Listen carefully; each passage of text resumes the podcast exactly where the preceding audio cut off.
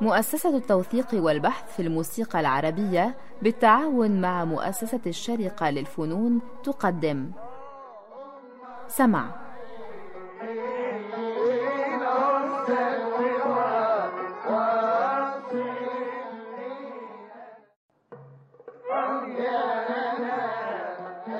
سمع. برنامج يتناول ما لدينا من إرث موسيقي بالمقارنة والتحليل. فكرة مصطفى سعيد.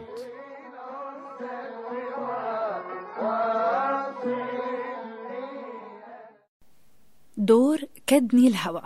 نظم الشيخ محمد الدرويش تلحين محمد أفندي عثمان. مقام نهاوند من فروع مقام العشاق. مذهب. كدني الهوى وصبحت عليل مثل النسيم في روض الأنس. حبي أمر طالع على غصن. كله أدب وطرب وجميل ملوش مثيل. دور للحسن ده بالطبع أميل. يلي تلوم ده شيء بالعقل. انظر كده. كلا تسجيلي هذه الحلقة لشركة جراموفون.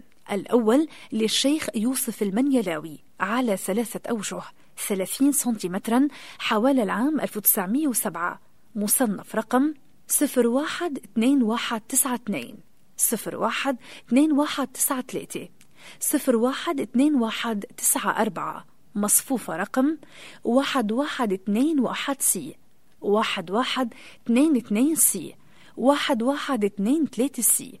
والثاني للشيخ السيد الصفتي على ثلاثة أوجه لكن 25 سنتيمترا هذه المرة أي أن المدة أصغر من التسجيل السابق بما يفوق ثلاث دقائق. التسجيل حوالي العام 1910 مصنف رقم G نقطة C نقطة شرطة 14 شرطة واحد اتنين تلاتة اتنين صفر. G نقطة C نقطة شرطة 14 شرطة واحد اتنين تلاتة اتنين واحد.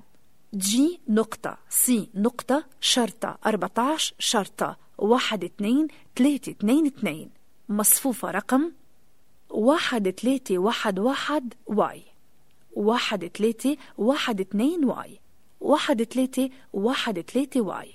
وبعده بثلاثين عاما تقريبا سجل الدور سامي الشوى والذي شارك في التسجيل السابق ذكره يعزفه بكمانه مستبدلا الكمان بالغناء لشركة His Master's Voice إصدار رقم S نقطة A نقطة 23 ومصفوفة رقم تسعة ستة شرطة واحد تسعة سبعة شرطة واحد. والآن ننتقل إلى التحليل. دور كادني الهوى هو من الأدوار التي انتشرت ليس فقط وقت تلحينه وإنما بعد ذلك وخصوصا في الربع الثاني من القرن العشرين لسهولة عزفه بين قوسين مع التحفظ على آلة البيانو. لأنه من وجهة نظرهم ما فيهوش ربع الصوت طيب بصرف النظر. خلينا نتغاضى تماما عن هذه الفرضية الآن ونرجع للدور كما لحن. يعني أكيد أنه السيد محمد عثمان وهو بيلحن الدور ما كانش حاطط بالمرة البيانو في راسه إذا كان هذا الدور سيعزف على البيانو ولا مش هيعزف على البيانو. لا أظن هذه المسألة كانت في خطيره أبدا. دور كدني الهوى هو من الأدوار الأخيرة لمحمد عثمان يبدو لأنه في فكرة المسار الإلزامي اللي هي ما ظهرتش مع بداية مدرسة عبد الحمولي ومحمد عثمان وإنما ظهرت في مرحلة لاحقة. بمعنى أن هناك مذهبا ثابت اللحن وبعدين دور يسمح بكثير من الارتجال ولكن هناك مسار إلزامي لهذا الدور. يعني مثلا إعادة جزء من المذهب في الأول علشان يكون هو بداية التفريد وبعدين الأهات أو الليالي. لكن لا يظن أن فكرة المسار الإلزامي هذه هي نفس الفكرة المتطورة على إيد إبراهيم الأباني وداود حسني لأن التسجيلات المختلفة لهذا الدور تدل على أن هناك احترام ما للمسار الإلزامي بس ما هواش ناموس. نجد مثلا الشيخ يوسف المنيلاوي بيلتزم بشيء السيد الصفتي لا يلتزم به والعكس صحيح. خلينا نمشي مع الدور شوية شوية. المذهب في التسجيلين اللي معانا تقريبا متطابقين مع اختلافات الأداء الفردي للتصرف اللحني على كل جملة. هذا لا يمكن أبدا توحيده. طيب نيجي للدور. الدور عمنا الشيخ يوسف المنيلاوي مبحبح شوية في الارتجال لأنه عنده ثلاث وشوش من القياس الكبير. بقى السيد الصفتي عنده ثلاث وشوش بس من القياس الأصغر فبالتالي مش متبحبح قوي. بقى خلينا نلاحظ أول ملاحظة أو نلقي الضوء على أول ملاحظة وهي إنه الشيخ يوسف المنيلاوي بيأدي الدور شوية بهزار يعني بيهزر كده تحس إن هو مرح شوية في أداء الدور. يعني مش مش إنه جدي قوي. وخلينا نقول كمان إنه هذه هي أول أسطوانة سجلها يوسف المنيلاوي مع جراموفون. كان سجل قبليها بسنتين مع سمع الملوك لكن هذه أول أسطوانة وصلتنا مسجلة مع جراموفون. السيد الصفتي بيأديه شوية بجدية. يعني خلينا مثلا نسمع من الاتنين للحسن ده بالطبع أميل اللي هي بياخد فيها عمنا الشيخ يوسف زحلقة نازلة ونسمع تقريبا جملة مشابهة ليها نلاحظ فيها جدية السيد الصفتي وعبثية أو مزح هزار الشيخ يوسف المنيلاوي.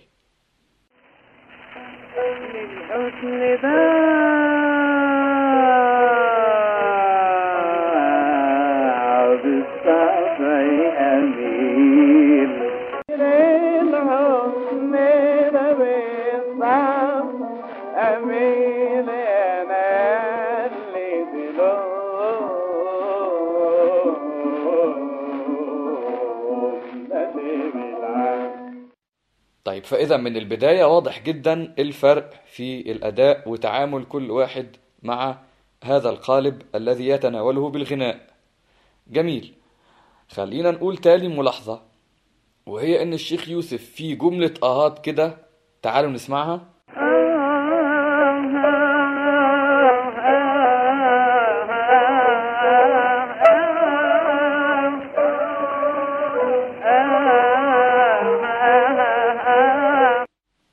جملة الآهات دي هو بيقولها يبدو إن هي في المسار الإلزامي للدور. هذه الجملة ما بيقولهاش بالمرة السيد الصفتي مع إن السيد الصفتي في ال- في الجزء اللي قبلها في القلبة بتاعت الراست دي تعالوا نسمعها من السيد الصفتي.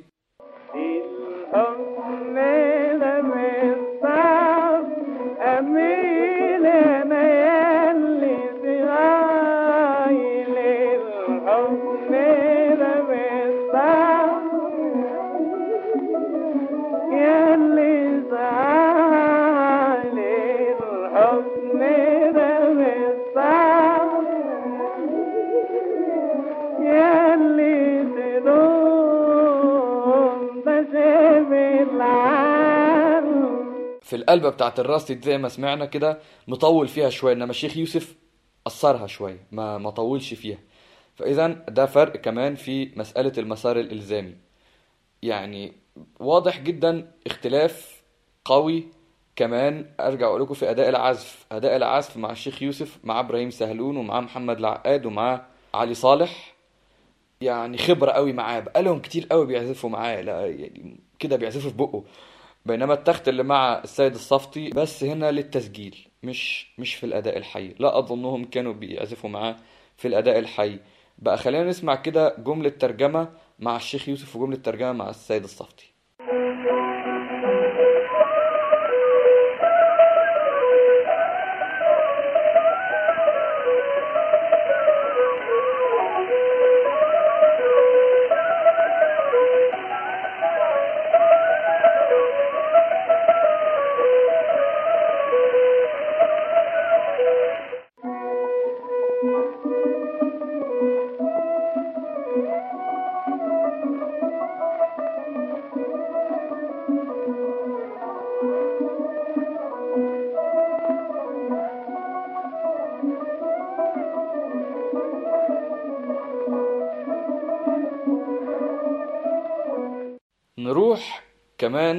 كمان لليالي الليالي بتاعت الدور هنا شوية عندنا مع الشيخ يوسف كده نوع من ال- التمكن إنه نوع من إنه بيستعرض كده بيقول أنا هنا.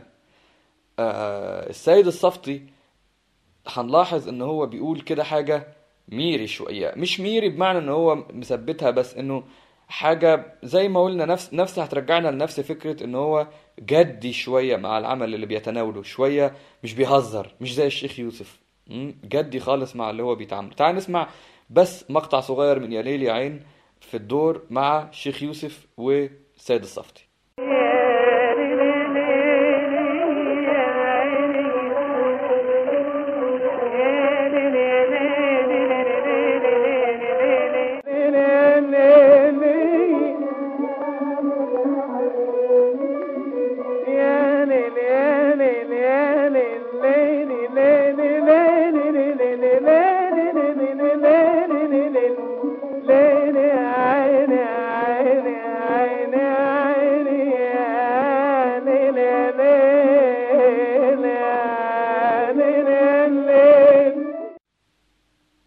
اما بالنسبة للختام فالاتنين تقريبا بيختموه زي بعض ولما نسمع التسجيل منفرد هنقول الفروق فيهم. بس أنا هنا عايز أرجع للحتة الرست واسمعكم التسجيل اللي إحنا هنتعرض له بس ومش هنسمعه كامل اللي هو تسجيل سامة فندي الشوا للدور ده بعد تسجيل سيد الصفتي بما لا يقل عن 25 سنة. خلينا نسمع جملة الراست ونشوف إزاي الراجل بي كأنه بيغني على آلته كأنه بيغني على الكمانجة مش مش كأنه بيعزف.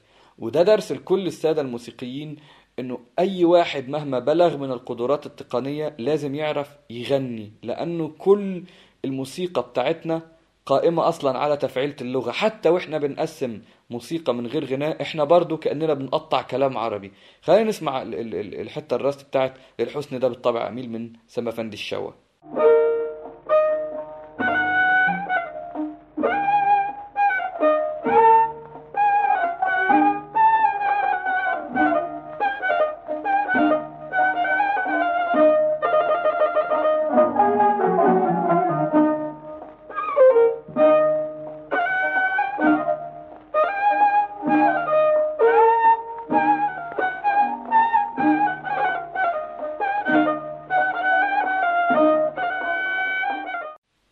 فإذا نستمع الآن إلى دور كدني الهوى لحن محمد عثمان أو مذهب لحن محمد عثمان أولا بصوت الشيخ يوسف المنيلاوي.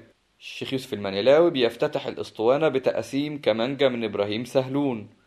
وبعدين شوية ليالي على العشاق أو النهاوند هيسموه زي ما أنتوا عايزين.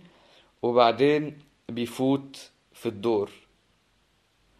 نسمع الدور المصاحبة الكمان إبراهيم سهلون كما سبق الذكر القانون محمد العقاد الناي علي صالح.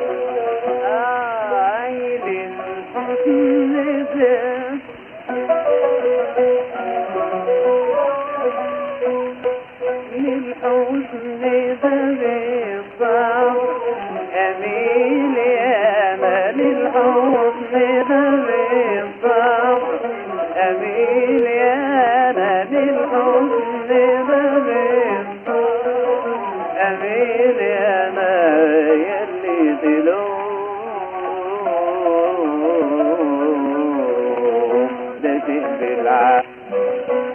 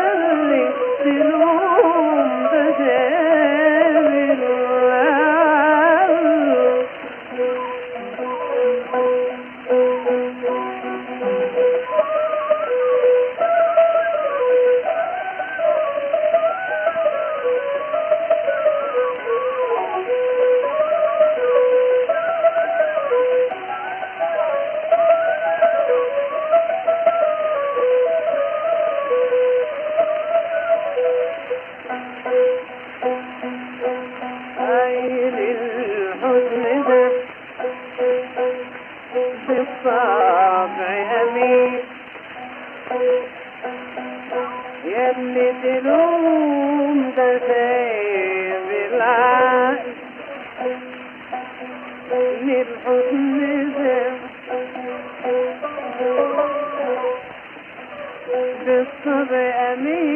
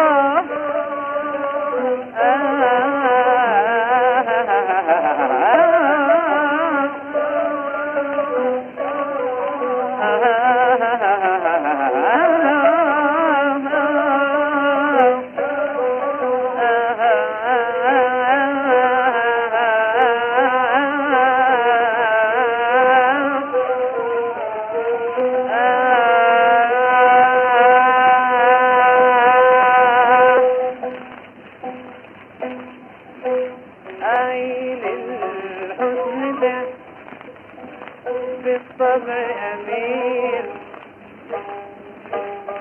هنا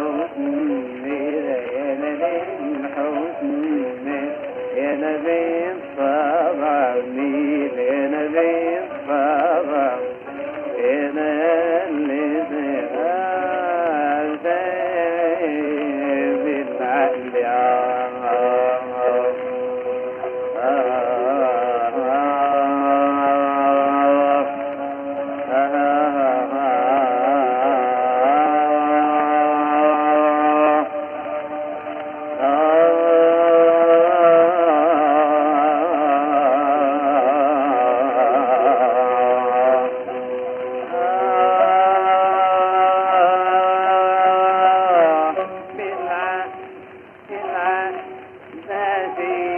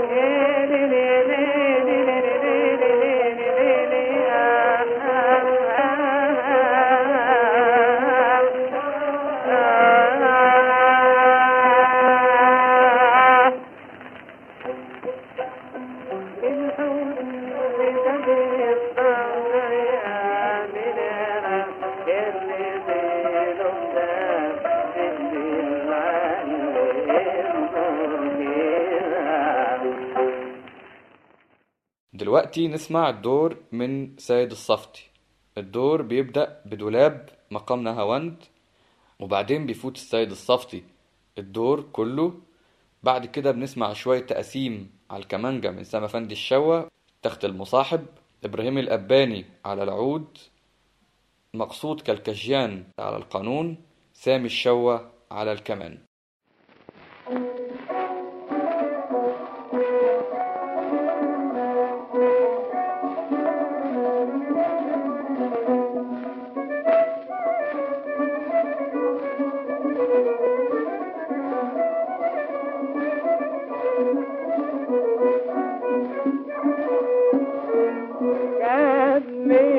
كدني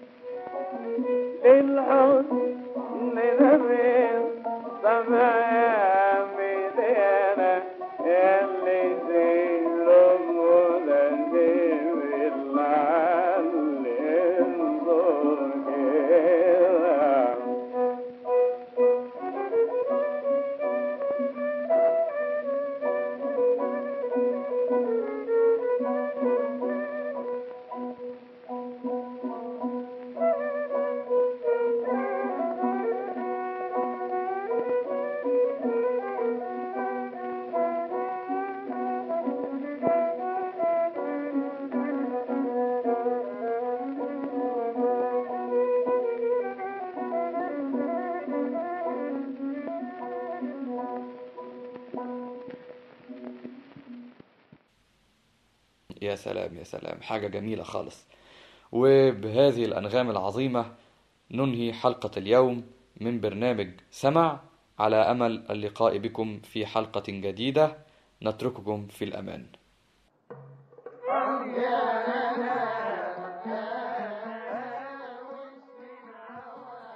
قدمت لكم مؤسسة التوثيق والبحث في الموسيقى العربية سمع.